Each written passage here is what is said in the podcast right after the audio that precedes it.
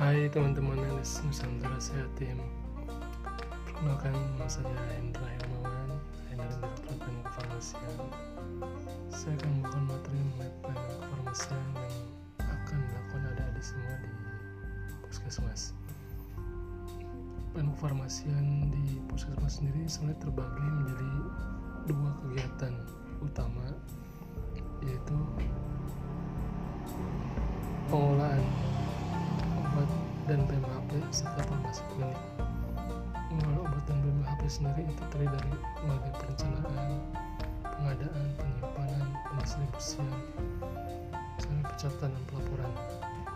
Dan untuk farmasi klinik sendiri ada screening resep,